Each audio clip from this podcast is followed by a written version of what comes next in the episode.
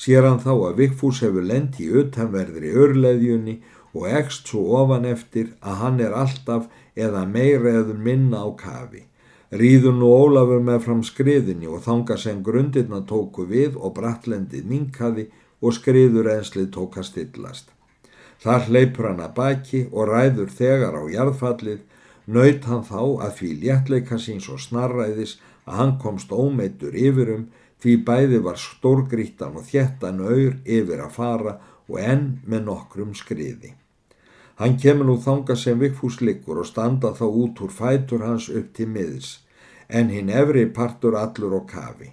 Hann getur samt fljótlega losað frá honum því að bæði var minna stórgrítið og þinri örleðjan í utanverður hlaupinu og getur Ólafun nú dreyið að þanga sem gras var og tekur síðan húfu sína því ekki var nú um annað að tala og sækir vatni í uppsprettulæk sem þar var skamt frá og þvær hann nú andlit í vatni og hættir ekki fyrir við en það er orðið hreint og þurfti hann ofta að sækja í húfuna áður en það væri gjört. Ólafur sér þess fullkomin einkenni að Vigfús er með lífi og hvergi limlestur og styrkist hann nokkuð við vassbaðið.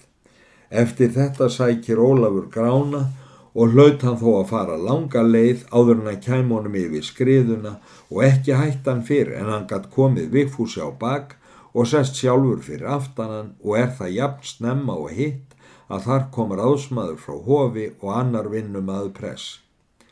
Lof sé drotni að þú ert lifandi, Óli minn, segir einar, hefur ekki meitt þig? Nei, mig sakkaði ekkert, en ég vildi að fúsi litli væri nú eins. Og ég held að það hefði þó farið fyrir betra þó að hann hefði klárast. Þú ert aldrei búin að hafa mikið fyrir honum. Það er ekkert sem ég hef haft fyrir honum en ég vonast eftir hann degi ekki þetta sinn.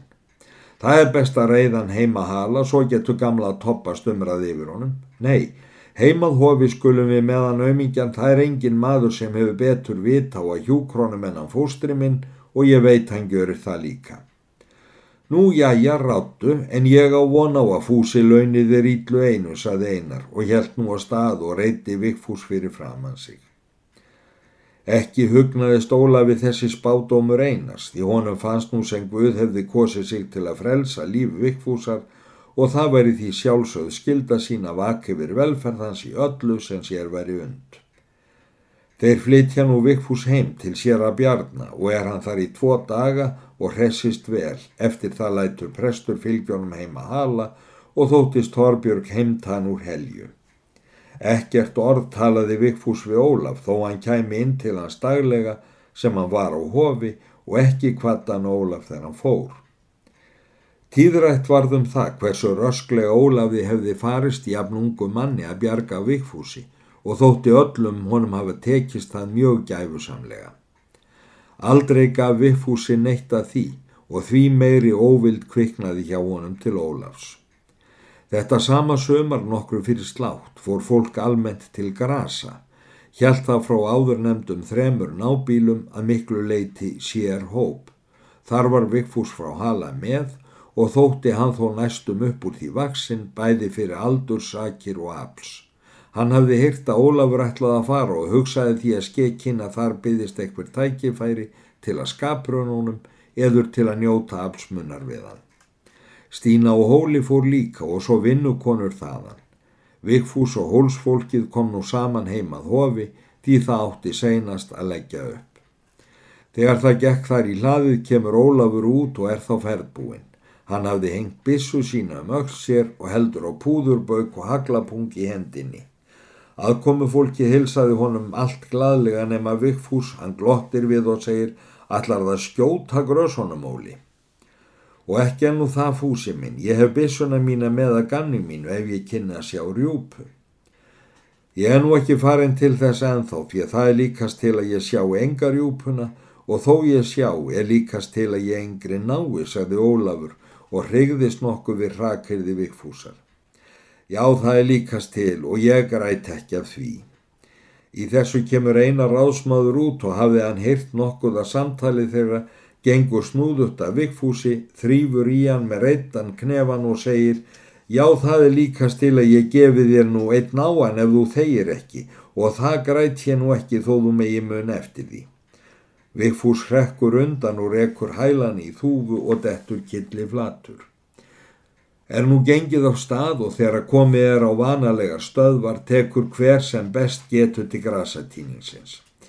Ólafur bar með sér bissuna sína og tafðið hann mjög að hann sá hingað og þangað rjúpur. Hafði hann um kvöldið fengið tuttugu. Þá höfðu flesti næri fyllt grasapokana sína en hans var að mestu tómur og var ekki að sjá honum fjalli þann eitt ílla. Þegar að menn höfðu matast og setið litla hríð, þýtur einn í hverji átt og vildu allir verða fyrstir því að hjá engum vantaði utan áhersluna nema Ólafi. Hann gengur nú líka sína leið og hefur bæði með sér grasamalsinn og bissu. Littlu eftir sólaruppbrás eru allir ferðbúnir og hafa bundið sér byrðar nema Ólaf reyð. Hann er enn ekki komin Skot hafði heyrst um nóttin og þykir það nú líklegast að leita hans í þá átt. Stína litla á hóli var einna fyrst til að leita Ólafs og hoppa nú eins og hinn þar til hún finnur hann og hafði þá grasa fengur hans lítið vaksiði frá því um kvöldið. Já, hjarna Óli, hvað hefur þú verið að gjöra allan þennan tíma? Við erum nú ferðbúin að fara heim og þú ert hér með tóman pokaðinn. Æ, ég skal nú flýta mér, ég verð ekki lengi. Víst verður þau lengi en ég skal hjálpa þér. Láttu liggja vel á þér þarna koma þær Margreit og hún sigga. Ég skal byggja þær að týna með okkur líka. Þau fara nú öll að týna og gengur þá fljótt. Littlu sögna kemur Vigfús og sér hvað um er að vera. Já, hvaða ósköp hefur það gröðsónum óli. Þú mótt til að sækja hann gránaðinn og flytja heim á. Látt ekki svona fúsi, þú gáir ekki að því að hann á svo margar rjúpur. Ég geri nú lítið úr horgrindunum þeim. Ég vildi ekki eiga þér fyrir gamlan túskilding. Og ég vildi ekki eiga úr þér ítlindið og ónóttinn fyrir oddbrotinn og augnlausa nál. Mér finnst það nólinn og eiga annað af okkur skilið fúsi.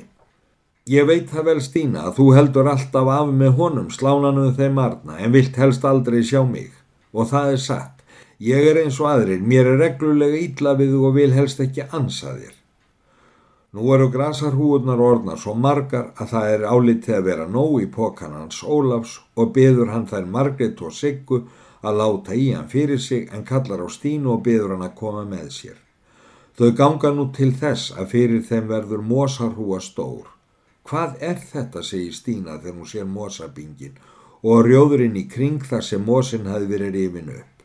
Óli gengur að og riður ofan að dísinni og sér Stína þá einhverja gráa skeppnu. Hún verður hrætt og rekkur æpandi tilbaka. Vert ekki hrætt Stína, þetta er hreindir sem ég skaut. Ég var eldaða í gær og í nótt, þanga til ég konst í skotfæri og ég ætlaði að dísja það hér þanga til að verðu sótt á hesti. Ég veit að fóstra mínu þykja vendum það og þess vegna er mér lítil mótgjörð í því þó að fúsi hæði mig. Í þessu kemur Vigfús því honum var forvitni á því að vita hvað þau Ólafur voru að sísla. Þegar hann sér dýrið verður hann hrættur því hann vissi ekki fyrst hvað þetta var.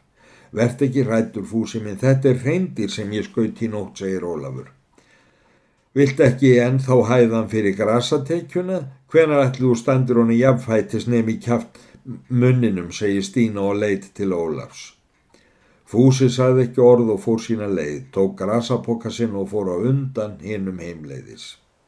Ólafur dísja nú dýrið aftur og finna þau stína þær stöllur og segja hvað títt er en halda síðan heim.